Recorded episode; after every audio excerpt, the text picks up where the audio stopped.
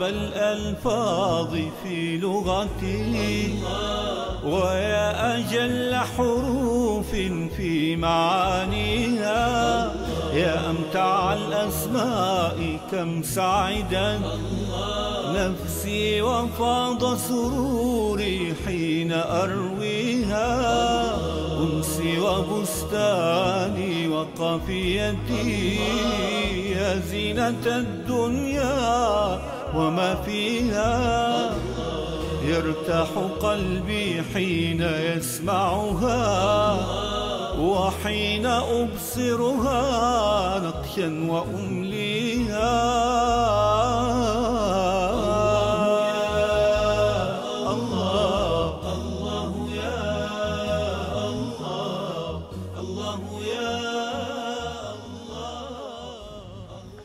جاء في الحديث القدسي أن الله عز وجل يقول يا عبادي لو أن أولكم وآخركم كل البشر وإنسكم وجنكم كانوا على أتقى قلب رجل منكم. أتقى واحد كل البشر بين الجن والإنس على هذه الحال. ما زاد ذلك في ملكي شيئا. سبحانه. سبحانه. ثم قال يا عبادي لو أن أولكم وآخركم وإنسكم وجنكم كانوا على أفجر قلب رجل منكم ما نقص ذلك في ملكي شيئا. تعلمون ليش؟ لأن الله عز وجل هو الغني. لا يحتاج إلى شيء وكل شيء يحتاج إليه. الله عز وجل هو الغني. لا تنفعه طاعة تقي. ولا تضره معصية شقي. الله هو الغني جل وعلا. إن تكفروا أنتم ومن في الأرض جميعا فإن الله لغني فإن الله لغني حميد. نحن المحتاجون إلى الغني جل وعلا. نحن الفقراء. يا أيها الناس أنتم الفقراء إلى الله. والله هو الغني الحميد. شوف كيف كان النبي عليه الصلاة والسلام يستشعر اسم الله الغني. كان يقول يا حي يا قيوم برحمتك أستغيث. أصلح لي شأني كله ولا تكلني إلى نفسي طرفة عين. وكان يقول دوما يا مقلب القلوب ثبت قلبي على دينك. هكذا كان يستشعر اسم الله الغني. نحن فقراء إلى الله عز وجل. الله عز وجل هو الغني جل وعلا. ليس بحاجة إلى أحد والكل بحاجة إليه جل في علاه. شوف الناس إذا قحطوا إذا قل المطر إذا جفت الأرض وقحطت إذا ماتت الشياه والماء والمواشي إذا احتاج الناس إلى إلى الحياة من السماء يلجؤون إلى من؟ إلى الله. فيرفعون أياديهم. اللهم أنت الله. لا إله إلا أنت. أنت الغني. يتوسلون باسم الله الغني. لأننا كلنا فقراء إليه.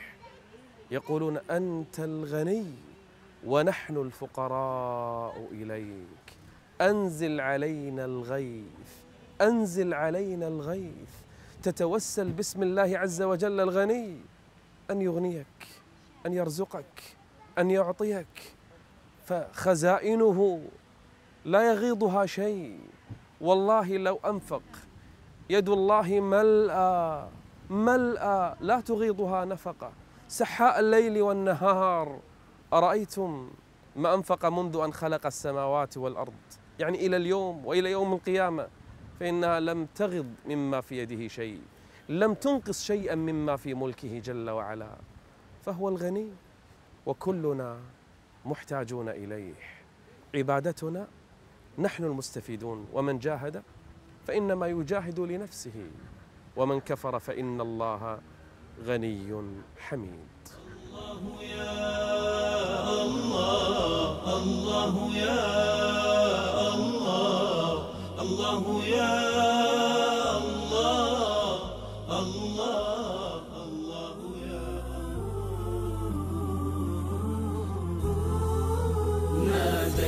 بصدق ربا وعرفت بحق معناه كم مر العمر ولا أدري بحياتي ما معنى الله. قلبي قد أشرق بضياء مذ حلق بعظيم فضاه أقترب بحب من كنف يملأني شوقا للقاه اليوم أجدد إيماني وأرفرف طيرا بسماه وأجوب الأسماء الحسنى كي أعرف ما معنى الله. ناديت بصدق رباه وعرفت بحق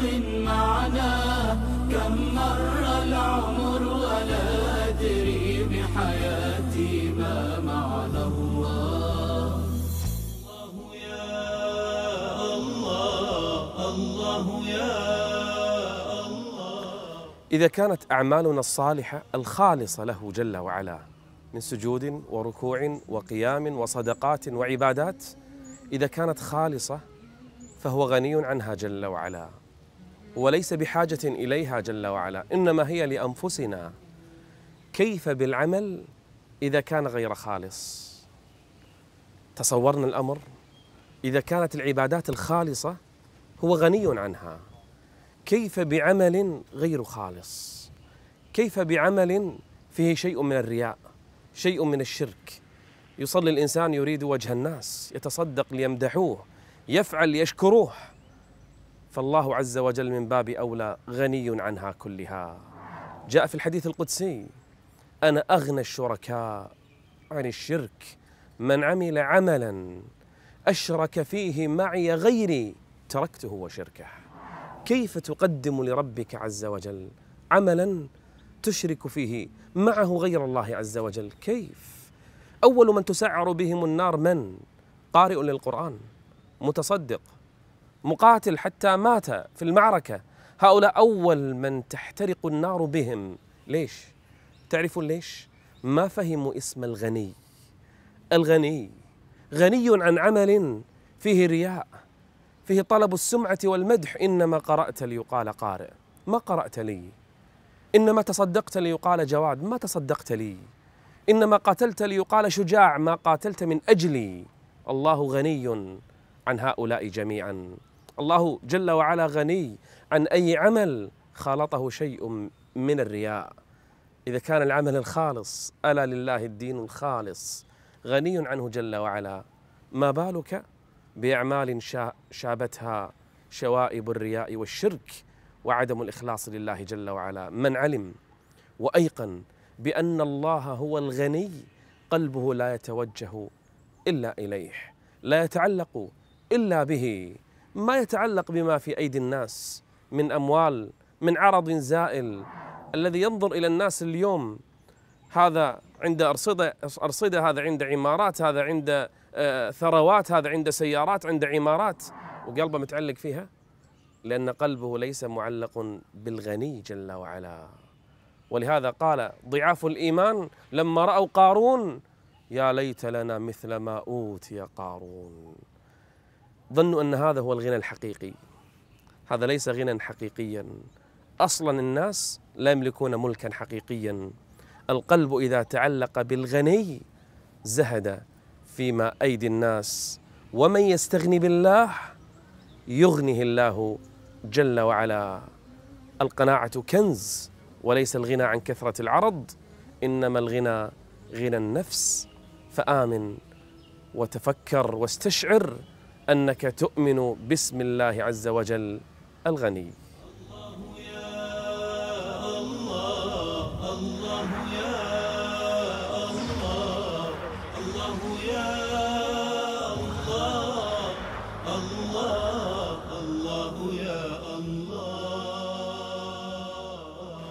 لما توفي آخر أولاد النبي صلى الله عليه وسلم من الذكور حزن النبي.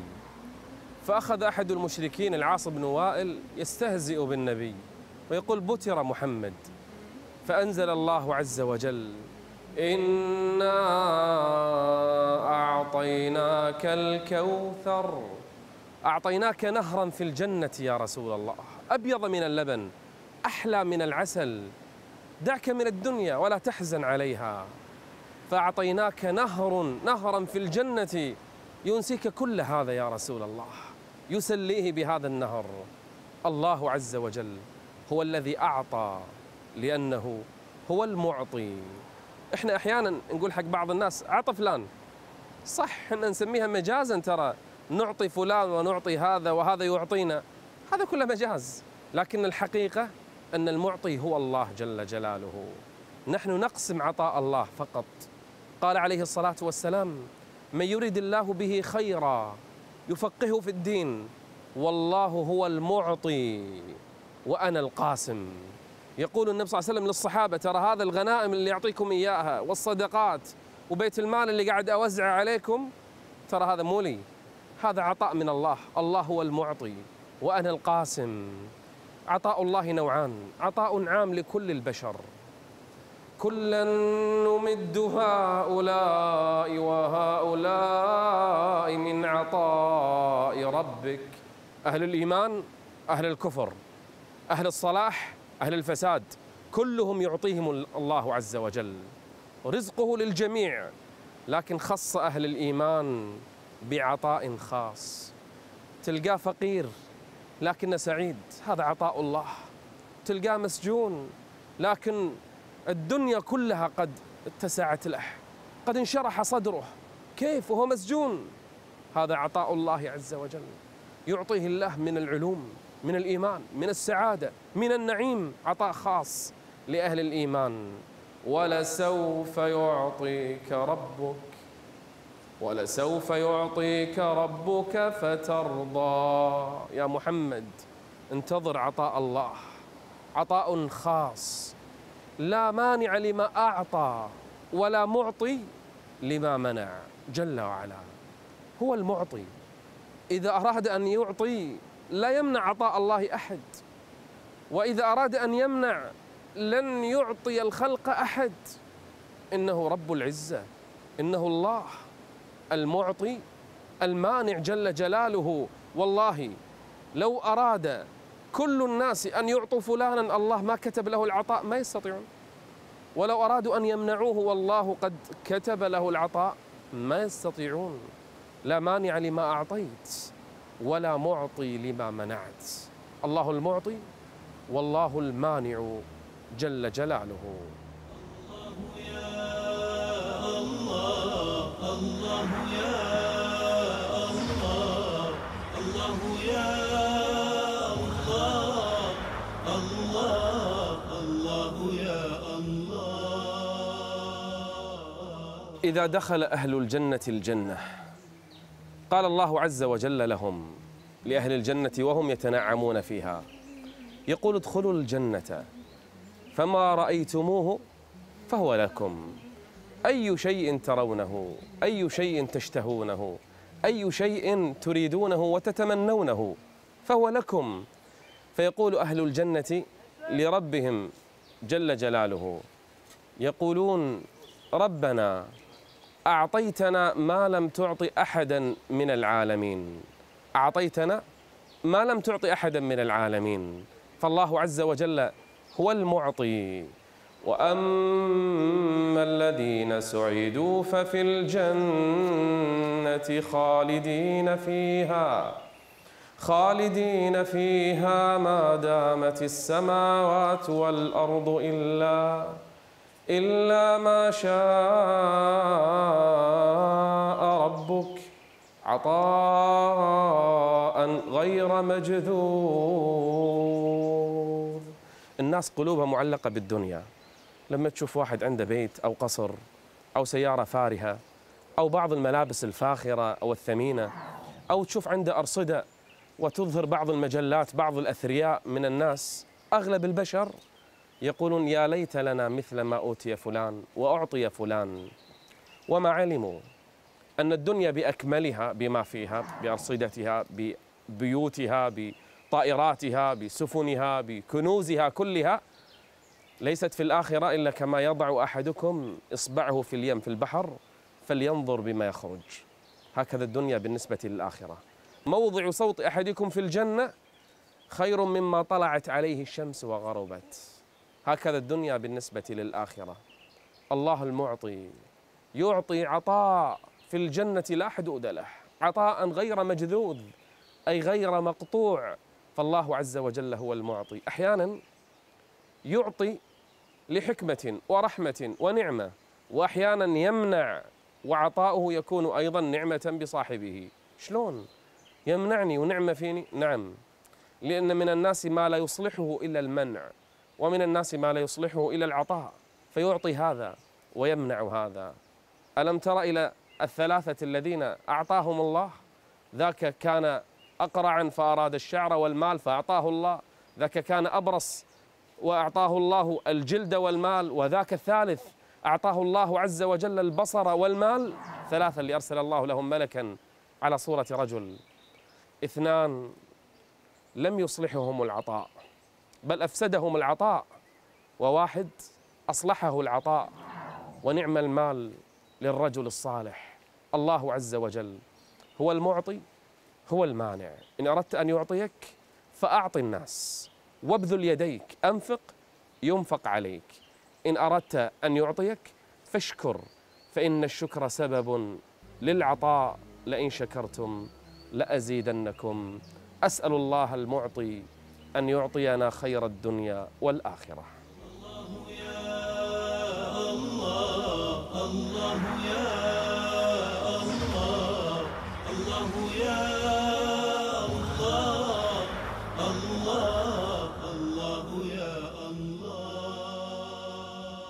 المعطي والمانع. لا معطي لما منع ولا مانع لما أعطى. كل خير منه يطلب وكل نفع منه يرغب. يعطي الدنيا من يشاء ويمنعها عمن يشاء بحكمته ورحمته. لعطائه وكرمه أسباب ولضد ذلك أسباب. فكل ميسر لما خلق له. أهل السعادة ييسرون لعمل أهل السعادة وأهل الشقاوة ييسرون لعمل أهل الشقاوة. أجمل ما يعطى العبد في الدنيا فهم دين ربه. من يرد الله به خيرا يفقه في الدين والله المعطي وأنا القاسم. إن عطاء الله المعطي لا حد له وإن منعه لا يمكن لأحد أن يتصوره. وما كان عطاء ربك محظورا. سل الله المعطي فإن خزائنه ملأى لا تنفد. سل الله المانع فهو الكافي الذي سيمنع عنك ما يؤذيك. فلو اجتمعت الدنيا بأسرها أن تمنعك رزقا كتبه المعطي لك لن تمنعك. ولو اجتمعت الدنيا بأسرها على أن تسوق خيرا منعه الله عنك لن يعطوك. فاترك عطاء البشر ومنعهم. واطلب دنياك وأخراك من المعطي. لتهدأ نفسك ولتسكن روحك ولتنم قرير العين متى ما علمت أن الله هو المعطي وهو المانع. أتدري أجمل العطايا ما هي؟ أجمل العطايا نعيم الجنة في الآخرة. قال عنه رب العزة والجلال جزاء من ربك عطاء حسابا. عطاء منه كافيا وافيا سالما كثيرا. فكيف بك؟ تقف أمانيك عند دنيا زائلة. ارمي سهام دعائك إلى هناك حيث جنة لا هم فيها ولا غم ولا كدر. نعيم لا ينغصه فقد ولا نقص. لا تكن بخيلا حتى في دعائك.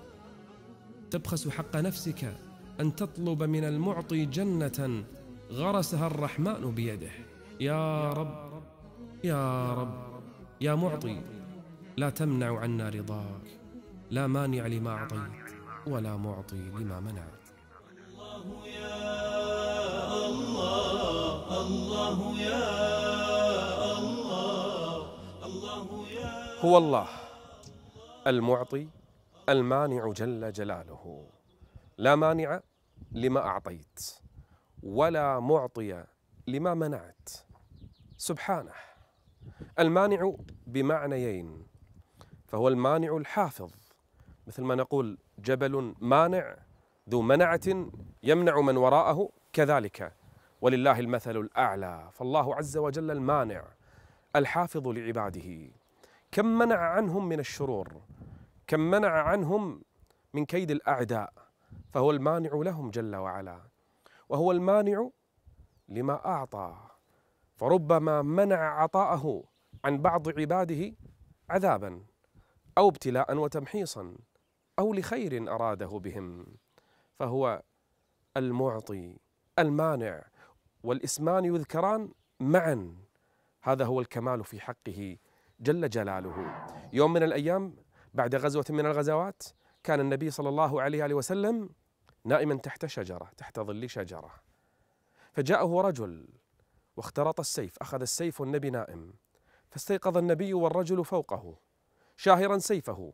فقال الأعرابي هذا الرجل من يمنعك الآن مني يا محمد؟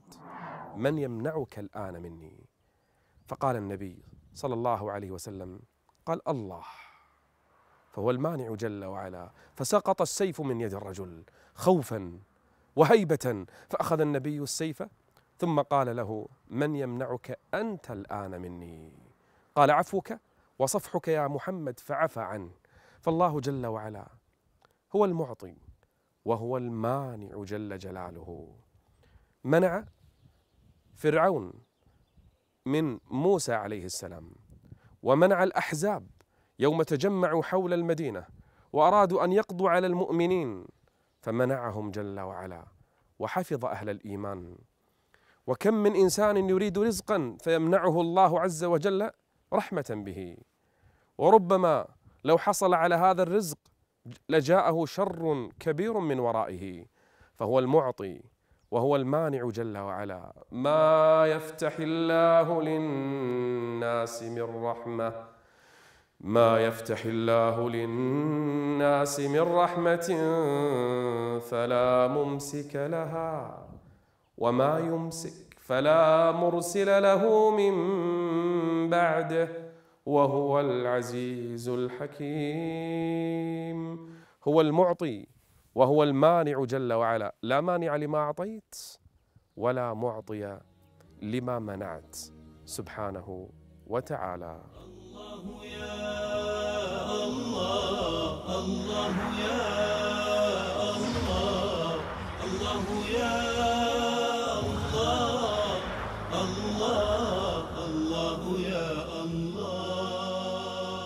لا مانع لما أعطى الله ولا معطي لما منع. اذا كن مرتاح البال كن مطمئنا. المنع والعطاء من الله عز وجل وحده. ما يفتح الله للناس من رحمة فلا ممسك لها وما يمسك فلا مرسل له من بعده وهو العزيز الحكيم. إذا فتح الله باب رحمة لا أحد يمنعها. وإذا مسك باب عطاء لا أحد يعطيها. ليش تتضايق من الناس؟ وتعصب فلان منعني كذا هذا منعني كذا هذا منعني الزواج هذا منعني المال هذا منعني. لا لا انتبه. ليس بيدهم منعك. المنع والعطاء من الله عز وجل وحده.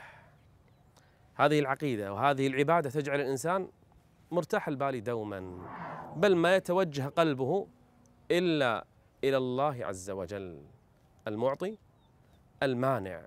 أحيانا يمنعك من طاعة هنا تحاسب نفسك. جاء رجال إلى الحسن البصري أبو سعيد رحمه الله تابعي عالم يسألونه لماذا منعنا وحرمنا قيام الليل؟ ليش مو قادرين نصلي قيام الليل؟ الله منعهم أن يقوموا الليل. تعرف الجواب الحكيم ما هو؟ قال قيدتكم ذنوبكم. أحيانا الواحد يقول أنا الله مو هاديني.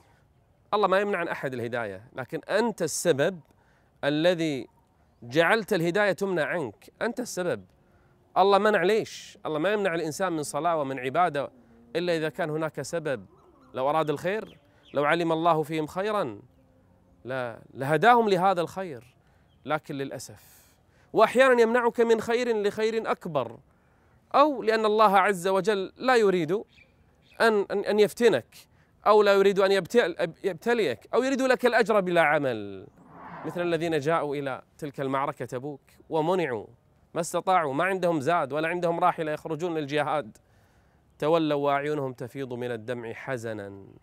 ألا يجدوا ما ينفقون. كم من عدو أراد قتل مسلم فمنعه الله. كم من مصيبة كادت أن تحل على إنسان فمنع الله. كم من مصرع سوء على محسن كاد أن ينزل فبسبب إحسانه منعه الله. فهو المانع جل وعلا. لا معطي لما منع ولا مانع لما أعطى جل وعلا. روحي طموحي راحتي سكني لا أجتني الأنس إلا من مغانيها. أجمل ما نتلوه أحسن ما يروي ضمائرنا طهرا ويسقيها.